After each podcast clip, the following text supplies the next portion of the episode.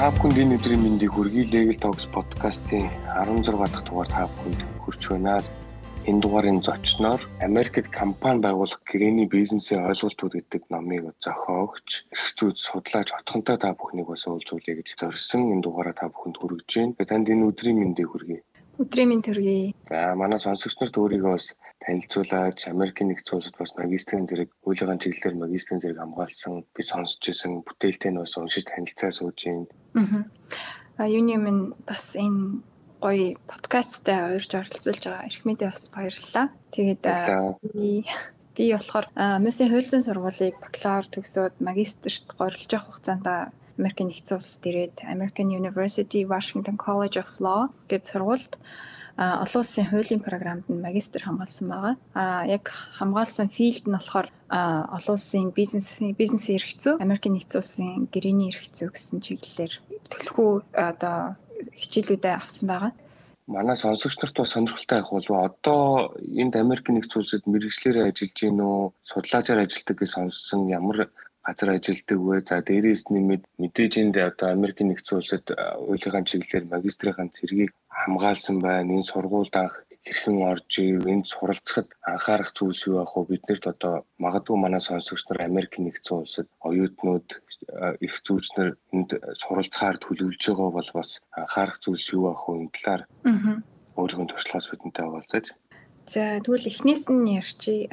Яг энэ American University Washington College of Law гэдэг нь болохоор 500 шилдэг сургуулийн нэгэнд байсан. Дотор нь байсан. Тэгээд энэ сургуулаа судлаад бас George Washington, Georgetown их сургуульд бас apply хийсэн. Тухайн үед тэгээд scholarship бас маш бага байсан учраас дээрээс нь American University бол маш илүү одоо боломжтой харагдчихсан надад. Тэгээд Washington College of Law-го сонгоод програм ч гэсэн айгүй сайн одоо яг нэг бизнес тал руу яг миний хүсэж исэн бизнес а arbitration тий арбитрийн талын айгүй сайн одоо хөтөлбөрүүд байсан учраас яг энэ сургуулийг сонгосон. А George Town, George Washington-ы хувьд бол litigation тал руугаа илүү одоо тий шүүхийн одоо Тэний тал руугаа илүү сайн гэж сонсч ирсэн учраас яг би өөрөө яг сонирхлыг дагаад Washington College of Law гэдэг програмыг сонгож орсон. А за жил хагас сураад сурч явах хугацаанд бол номын санд бас ажиллаж ялаа. За нөгөө mood court гэдэг сурахынхаа хажуугаар уу? Тий. Сурахынхаа хажуугаар. Аа mood court гээд одоо манад айгуух зохиодог болчихсон. Тэр бол маш сайн зохиогддог гэсэн. Манай сургууль тэр ялангуяа айгуу итгэвтэй. За тэнд нь зохион байгуулалтын багт нь орж нэлээд олон mood court кортод бас оролцож илаа. За тэгээд ер нь л айгүй итгэвтэй яг энэ Америкийн нэгдсэн улсад ирэх юм бол хуулиар сурах тэр ялангуяа хуулиар сурах юм бол ер нь цаг зав маш бага байдаг оюутнуудад. Энэ байнгын л номын сандаа зарим нь номын сандаа бүр юугаа авчирсан одоо хүнжил давгаа авчирсан тий. Тэндээ хонох ч юм уу тий ангийнхантайгаа хичээлээ хийж хонох. Аа ер нь бол тэгээд чөлөө цаг бод ер нь маш бага байдаг. Номтой зуралтай л нөгөө том том зузаан зузаан номнууд чинь тэрвэл тэгэл дэрлээл унтчих. Дэрлээл унтаал уу? Тийм. Ер нь бол гизүү тийм нэг жил хагасыг бол өнгөрөөсөн. Гэтэ аз жаргалтайгаар. Одоо мэрэгчлээ судлаачаар ажиллаж байгаа гэсэн үү? Одоо энэ Вашингтон ДС байрладаг нэг жижиг жижигхэн хуулийн фермд хүний эрх хүний эрхийн талаар судалгаа хийдэг. Тэгээд одоо ажиллаад нэлээд бас хөрхөн хугацаа өнгөрчлөө. А хэдийгээр одоо яг нөгөө миний бизнесийн эрх зүй тий гэрээний эрх зүйн яг чиглэлээр э, одоогоор ажиллахгүй байгаа ч гэсэн хажуугаар нэг нөгөө өөрхөд дуртай ямиг хаяхгүй тулд яг ингээд номоо бичээд ингээд явж байгаа. Энэ Америкт компани байгуулах бизнесийн гэрээний ойлголтууд миний мэдж байгаагаар Америкт монголчууд маш олон төрлийн бизнес эрхэлдэг үйл ажиллагаа явуулдаг гэрээний харилцаанд ордог. Тийм учраас би бол энэ номны ач холбогдлыг айгүй өндрөөр үнэлж байгаа өөртөө бас баяр хүргэе. Тэгээд номыг уншаад одоо талд нь орсон байна. Гэрээний эрх зүйн хэсэг компани байгууллагатай холбоотой асуудлуудыг бас уншаад өөрийн орны нөгөө хууль тогтоомжтой харьцуулаад ингээд л байж энэ тэгэхээр хүмүүс бас энэ номыг уншуул айгүй хэрэгцээтэй мэдлэг мэдээлэл бас эндээс олж авах юм байна гэж одоо дотор бодоо сууж илаа. Ер нь энд амьдарч байгаа монголчууд их ямар төрлийн бизнесийн гэрээний харилцаанд одоо манайх их хөвчлэн одоо орж ийн ямар төрлийн гэрээнүүд байгуулж ийн та энэ тал дээр. Одоо юг нэг 20 жилээ бодох юм бол Монгол сүүлийн 20 жилийг бодох юм бол одоо энэ нэг Америкт ирж байгаа те эсвэл амьдрээд удацсан хүмүүс бол яг нэг хөлөө олцсон мэдлэг мэдээлэл айгүй сайтай болсон. Бизнес айгүй илүү хөгжүүлж байна. Одоо independent тий хин нэгнээс хараад бус хин нэгний доор ажиллахгүйгээр яг өөрийнхөө одоо сонирхлоор ч юм уу тий тэгээд компани байгуулад ингээд ажиллах нь илүү их болчих манайхны донд. Тэгээ энийг харахад ч ихсэн айгүй таатай байгаа. Тэгээд ер нь бол хамгийн их хийгдэж байгаа нь болохоор commercial буюу худалдааны түрээсийн түрээсийн гэрээнүүд айгүй хийгдэж байна. Одоо энд түрээсийн гэрээнүүд чинь нэлээд үнэтэй байдаг тийм гэрэндээ бол нэг зарим газрууд болохоор 6 сараар хийх ёстой түрээсийн гэрээний төлбөрийг хийсэн байх ёстой гэх мэтчлэн янз янзын тийм шаардлагууд бас тавьдгийн байлээ. Америкт. Тэгээд одоо энэ нэг өөр нэг жишээ нь болохоор одоо манайх жишээлбэл ингээд хүн ажилд авахд те зөөгч тоогооч одоо юу гэдэг худалдагч ажилд авахд гэрээ хийгээд идэг штэ. 6 сарын гэрээ хийж байгаа дараа нь жинхлээд идэг те. Энд болохоор бичгээр байгуулах шаардлагатай нөгөө хуулиар хөдөлмөрийн тухай гэдэг юм уу? Тийм а энд болохоор заавал бичгээр хийх шаардлагагүй. Аман гэрээгээр явдаг. Handshake гэж нэрлэдэг л дээ. Ер нь бол нэлээд элбэг байдаг. Хүмүүс тий за ажилд орлоо гэх юм бол за маргааш интервьюд оруулаад за маргааштай ажиллаарай гэдэл ажилд авах авах жишээний аа да дээрэс нөгөө түрээсийн гэрээ тий. Орон сууц хөлслөх гэрээ байна. Орон сууц хөлслөх гэрээг бол нөгөө манайхан бас ер нь сайн нөгөө гэрээг уншихгүйгээр гар хэсэг зурчаад. Тэгээ дараа нөгөө айгүйх комплейнүүд үүснэ. Айгүйх үл ойлголцлууд гарна. Тэнгүүд нөгөө одоо тэр нөгөө гэрээг уншааг он чинь тэгээд бүх асуудал болдог тий сайн нөгөө eviction гэдэг нөгөө юу болсон штэ цар тахлын үед нөгөө мөнгө төлбөрөө төлөх боломжгүй болсон хүмүүс байрныхаа хөлсийг төлөх боломжгүй болоод тэгээд шүүхээс зарлан марлаа яриад чи бөө юм болж байгаа юм чи. Тэгэхэд яг нөгөө гэрээгээ маш муу уншсан. Тэгээд уншааг болчиход зорчдаг. Тэгээд үр дагаврыг харахгүй юм алдаанууд их гардаг гэж юу?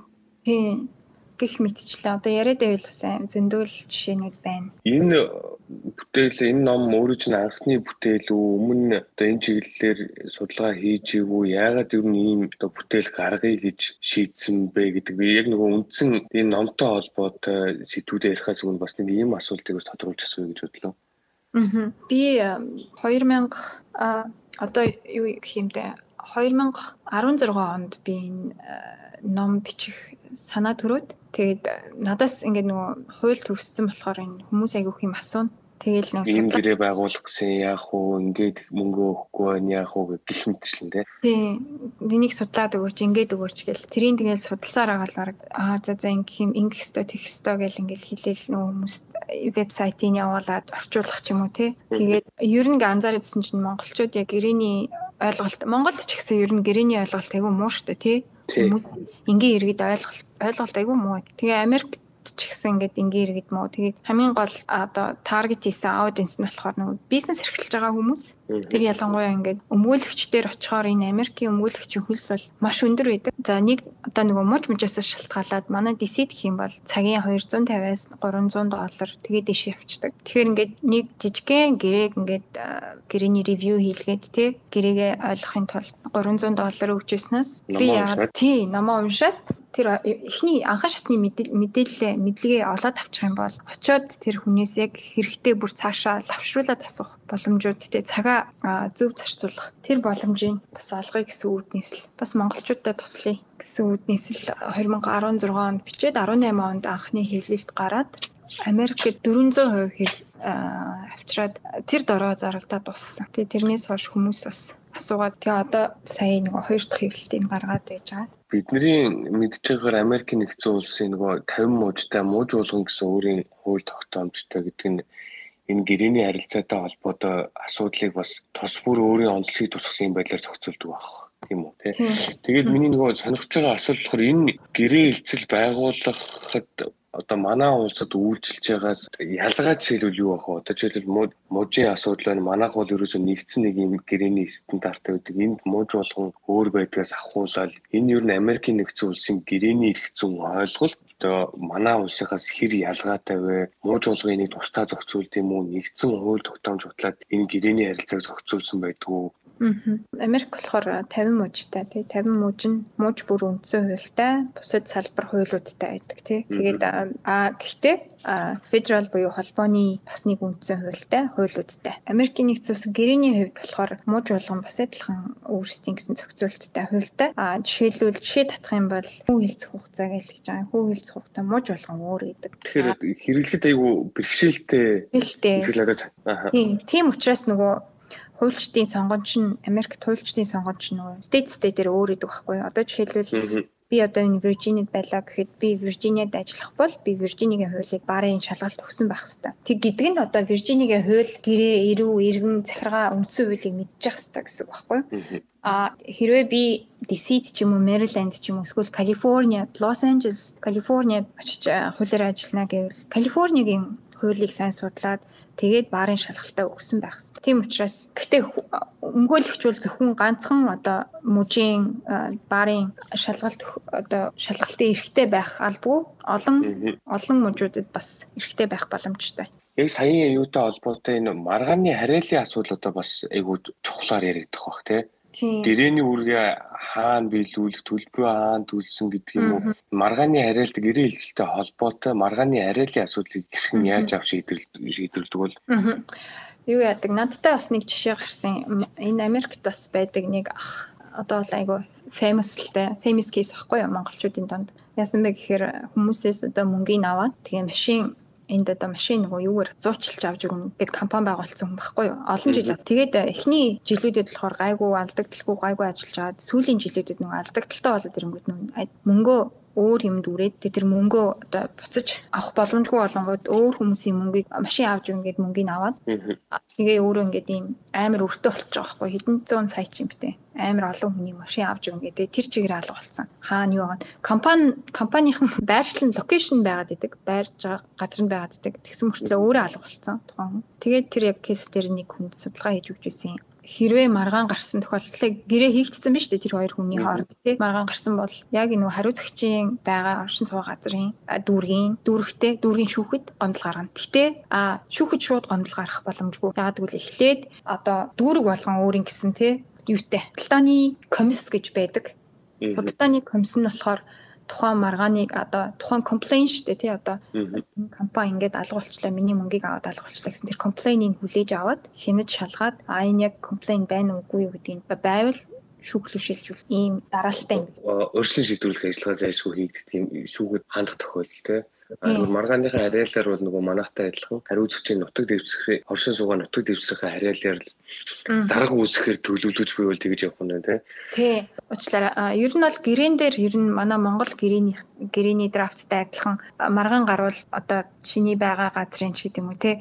Тэгж заадгүй маргаан яг Виржиниа ямар мууж гэдгээс шалтгаалаад Виржиниа мууж, Мэриленд мууж, DC гэд заадаг. Тэрнээс яг бүр баян гол дүүрэг, баян зүрх дүүрэг гэсэн нэг тийм юм бол заадгүй гэрэн дээр. Тэгэхээр бас тиймэрхүү жижиг жижиг юмны ялгаа бас байдаг юм билээ. Дараагийн асуудал нь манай Монгол улсын иргэний хуулиар бол нөгөө за аман болон бичгээр байгуулах гэрээ хэлслүүд бол зарим төрлийн гэрээ хэлслүүдийг бол заавал бичгээр байгуулахыг шаарддаг. Хэрвээ бичгээр байгуулаагүй тохиол зээлийн гэрээн дээр бол нөгөө хүү тооцох хэрэг алддаг ч юм уу. Эсвэл үйл хөдлөх хөрөнгө шилжүүлэхтэй холбоотой альва хэлцэлтэй бичгээр байна. За хөдөлмөрийн тухай үйлгээл хөдөлмөрийн гэрээг заавал бичгээр байгуулж юм. Тэгэхээр Америкийн нэгдсэн улсад энэ нөгөө энэ харилцаа асуудал түрүүн би өөрөө ч нөгөө хэлсэн учраас бүх төрлийн одоо гэрээг заавал бичгээр ямар төрлийн гэрээг бичгээр байгуулах шаардлагатай. Ямар төрлийн гэрээг одоо амаар хийхэд боломжтой байдаг юм бэ? Дөрөв миний олсноор одоо нэг хөдөлмөрийн гэрээ аман хөдөлмөрийн гэрээ гэсэн үг байгаа байхгүй юу? Ерөнхийдөө бол манайхтай адилхан яг тэр тал дээр бол яг яг нэг хүү тооцох те хэмжээний мөнгө мөнгөн хөрөнгөтэй холбоотой хамтран ажиллах одоо ажил одоо ажил гүйцэтгэх юм уу тиймэрхүү юм дээр бол том том төслүүд дээр бол тэр зайлшгүй тэр бичгэн гэрээг хийх хэрэгтэй. А яг нэг тохиол аман гэрээг бол яг энд ингээд зарим жижиг жижиг харилцаанд бол гэрээ гэж тооцоод байгаа. А гэхдээ аман гэрээ нь бол яг яг ингээд 100% те бүр э, тийм да хүчин төгөлдөр гэхэд бас асуудалтай ягаад гэвэл нөгөө амар хийцэн юм шиг нотлох баримтууд айгүйх юм шаардна. Түүнийг энэ хаттай болно. За нөгөө witness-үүд те гэрч мэрч гэл ингээд амар олон юм те тэр э, гэрч evidence энэ өөрөө яг аль бие усны тэр хүчин төгөлдөр байж чадах уугүй юу гэдэг тэр бас айгүйх тийм юу авчир дутагдaltaа гэх юм уу. Тэгэхээр яг хүн хэрвээ амаар гэрээ хийгээд тэрийг нотолч чад шүүхтэр нотолч чадчихвэл тэр ялд авах боломжтой. А тэрийг нотолч чадахгүй байвал бас асуудал байхгүй юу? Ер нь бол Монголтой адилхан. Гэхдээ яг нөгөө хөдөлмөрийн гэрээний одоо урьдчил гэрээ гэх юм уу да. Тэр яг хөдөлмөрийн гэрээ бол биш шүү дээ тийм. Яг мэрэгжлийн хүмүүстэй бол хөдөлмөрийн гэрээ хийдэг жишээлбэл хуульчтай, accountant, за өөр юу гэдэг энэ эмч, совилогч яг ийм хүмүүстэй бол гэрээ хийн штэ хариуцлага тэгээд бүх юмнуудыг оруулаад за тэгээд цалин 6 сарын 6 сараас 1 жилийн дараа өөрчлөгдөх тэр боломжуудыг бүгдийг оруулсан юм гэрээ хийгддэг. А дараагийн сонирхож байгаа асуулт нь би өөрийн чинь номноос энэ нөгөө гэрээ байгуулах энэ хилцээрийн үн шатыг айгүй юм онцолж бас одоо бичиж энэ талаар бас номдоо нэг бүлгийг одоо тусгаалan гаргасан байсан. А зүгээр манай улсад одоо юу гэдэг их сургууль нөгөө энэ гэрээ хилцэл байгуулахдаа гэрээний эрхцүүтэй холбоотой харилцаан дээр бол нөгөө агуулгын болон хэлбэрийн талаас нь энэ асуудлыг бид нэр за одоо хөдөлтөх худалдаа авах гэрээ гэдэг чинь бол ийм онцлогтой ийм ийм ийм гэрээ гэж үздэг.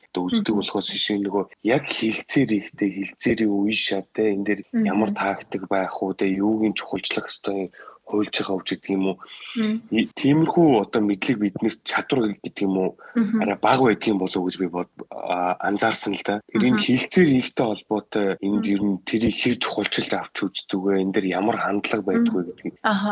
Яг чухал асуудал асуулт. Одоо яг бизнес эрхлэж байгаа хүмүүс бол яг нөгөө хилцээрийг аягүй сайн хийж сурсан байх хэвээр. Энэ өөрөө бүр скил байхгүй юу? Энд communication skill, negotiation skill гэдэг энд байдаг. Америк хүмүүс угаасаа ер нь бол бизнес эрхэлж байгаа хүмүүс л бүгд маш сайн эзэмшсэн гэж хэлж болно. Юугаар илэрдэг вэ гэхээр одоо жишээлбэл хүнд одоо ямар нэг юм хөдөлгөх гэж байгаа ч юм авах гэж байгаа бол хүнд өөрийнхөө одоо өөрийгөө тулгаж өөрийнхөө санааг тулгаж хэрэгэлдэг гэсэн. Эхлээд ингээ анзаардаг ч юм уу те түгэн юу хүсэж байна эхлээд те Хоёр тал хоёулаа ийм уян хатан байж энэ negotiation хилцэл энэ бизнесийн уян хатан чинь цаашдаа бизнес хэр бат бөхтэй явах нь айгүй шалтгаалж байгаа байхгүй. Тэгэхээр манайх ч юм бол одоо нийтлэг би ийм л нөхцөл санал болгож байна. Өө юм байхгүй гэдэг ингээд нэг хилцээрүүд ингээд дуусчих гэдэг юмнууд их байдаг шүү дээ тий.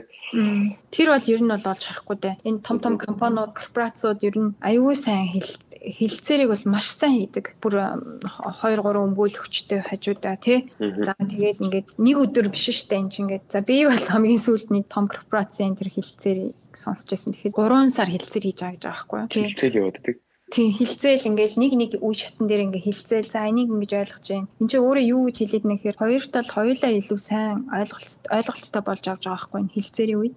Аа дээрэс нь ингээд хоёулаа ингээд эхлээд гэрээ хийхээс өмнө хилцээрээ сайн хийчих юм бол маргаан маргалдах асуудалгүй одоо дараа дараагийн үе шатууд айгүй сайн давна. Нэг ач холбогдол нь бас тэрүүгээр айгүй гарч ирж байна те. Тэрийг одоо тэр маргал маргаан үүсэх асуудлыг хамгийн багасгаж байгаа хэлбэр арга хэлбэр нэг юм уу? Тийм. Тэгээд Америкт ч гэсэн одоо энэ нөгөө communication skill, negotiation skill гэдэг номууд айгүйх байдаг штэ. Олон жилүүд жилийн өмнө маш олон. Одоо энэ communication skill ч одоо бараг 100 жил болж байгаа Америкт хөгжөөд. Тэгээд ер нь бол ямар нэг open mind гэж ярьдаг шүү дээ бид нэр. Одоо сэтгэлгээний хувьд одоо уян одоо тэрийг одоо монголоор юу гэж орчуулах юм? Open mind гэхээр уян хатан харилцаатай тийм хүмүүс Америк ер нь ихэнх чөлөөтэй. чөлөөтэй харилт одоо харилцдаг. Юмыг одоо хитрхи нэг талаас нь хардггүй гэх юм уу? Хүн талаас харж чаддаг. Тэгээд аа нөгөө хилцээр хийж байгаа хүний ч гэсэн одоо боддог тий. Бизнес чинь өөрөө миний одоо Америкт яг гэрээний эрх зүй бизнесийг ойлгосон нэг гол чухал зарчим нь болохоор бизнес чинь нэг талыг барьдгүй юм байна. Бизнес бол заавал 50 50% таа тий. Талуудын эрх ашиг энд тэмцэх хэрэгтэй гэж юу? Тий. Одоо энэ Америкт гэрээ хийж байгаа хүмүүсийг харахаар аль нэг тал нь илүү давмгай бүр амар илүү одоо 80 20 ч юм уу тий 90 10 ч юм уу тийм байдгүй юм бэл. Ер нь бол нэг тэнцвэртэй байдал та. Тэгээд ер нь гэрээ хийхэд бас маш амар одоо миний хувьд бол айгүй тийм таатай нөхцөлтэй гэх юм уу хүмүүс нь айгүй урайлгахан ярилцсан тий хэлцэн за энэ юу гэж байгаа ингэж асуул асуун. Одоо манайхаас нэг ялгаатай юм л тэр байна да. Айгүй тайван ханддаг тий гэрээ гэрээ хийхдээ нэг хурдан тий за энийг хий чи ингэ чи гэхгүй. Яг ингээд тавиад бүх зүйл заалтыг одоо ойлгосон байх хэрэгтэй гэдэг үднэс том гэрээнүүд бол яг тэгж явдаг. Нөгөө ямар нөхцөл хилцээр их юм арга барилын тухай асуудлууд зөвлөгөө одоо юу гэдгийг судалгаа зөвлөмжүүд бас их байдаг бах те. Оо зөндөө байгаа. Тийм. Ямар арга байна гээл. Ямар зүгээр юм нийтлэг аргууд байдаг бол гэдэг юм. Аа. Яг энэ миний ном дээр болохоор нэг хоёр арга л байгаа юм л да. Уян ба хатуу гэд хоёр хэлцээрийн арга байгаа. Тэгэл ер нь бол миний хувьд бол уян уян арга нь бол илүү өгөөжтэй юм байна гэж би харсан. Одоо би чинь бас нэг компани байгуулад бас Америкчуудтай холбогдоод явж байгаа хүний яг тэр нөгөө бизнесийн хүмүүстэй уян харилцаа тогтоох нь маш амжилттай юм байна гэж харсан.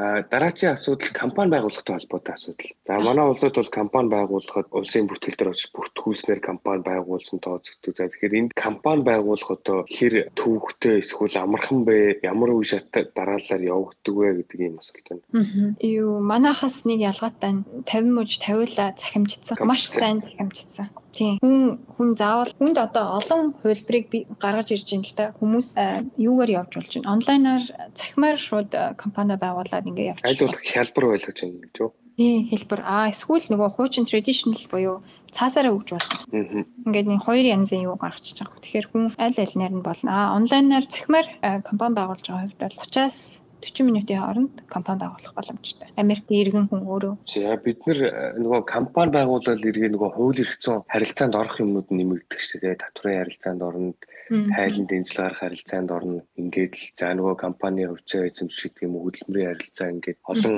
үр дагаврууд бас гарч эхэлдэг шүү дээ. Түүнтэй холбоотойгоор энэ Америкт компани байгуулад ажиллаж байгаа хүмүүс юун дээр анхааруул цохилтой бай. Одоо жишээлбэл магадгүй зарим нэг харилцааг мэдгүйгээсээ болоод эргээд ямарваа нэг зөрчилд холбогдчихдаг юм уу юм асуудал үүсэх.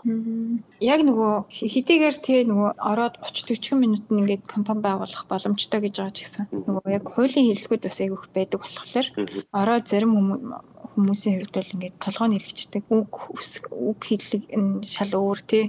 Тэгэл тэр дотор чинь stock, non stock, тэгээ partnership, LLC гэл тэгээ partnership дотроо limited ингээд ингээд дотроо амар олон төрөл болчихж байгаа байхгүй. Тэгэхээр ингээд толгойн хэрэгждэг хүмүүстэй. Тэгээд нөгөө stockтой бол хэдин stock жишээлбэл тэр мэрийг бичих хэрэгтэй болно. Тэгээд нөгөө компани дүрмээ бас attach хийж онлайн руу оруулах болно те хэрвээ стоктой бол эсвэл олон гишүүнтэй бол гих мэтчлээ байдаг байхгүй. Тэгэхээр тэрэн дээр жоохон толгой хэрэгждэг. Ер нь бол ихэнх одоо хэрвээ тийм олон гишүүнтэй партнершиптэй те стоктой тийм компани бүртгүүлж байгаа бол эхлээд хуульчаас ч юм уу одоо судлаачаас ч юм уу хуульчаас зөвлөгөө авах хэрэгтэй баха яг тэрнийхээ талаар. Ямар компани байгуулахад ямар төрлийн компани байгуулвал илүү одоо бидний эрх ашиг энэ тэнцүү байх вэ? Тэгээд компани дүрмэн дээрээ бас яаж оруулах вэ? Юу гэж оруулах вэ? Дүрм журмаа бас хуульчаар бас боловсруулах боломжтой байхгүй. Тэгэхгүй нөгөө дүрм журм чинь тэгээд өөрөө боловсруулах боловсруулад ч юм уу эсвэл копидод явуулчихаар эргээд нөгөө янз бүрийн асуудал гарна шүү дээ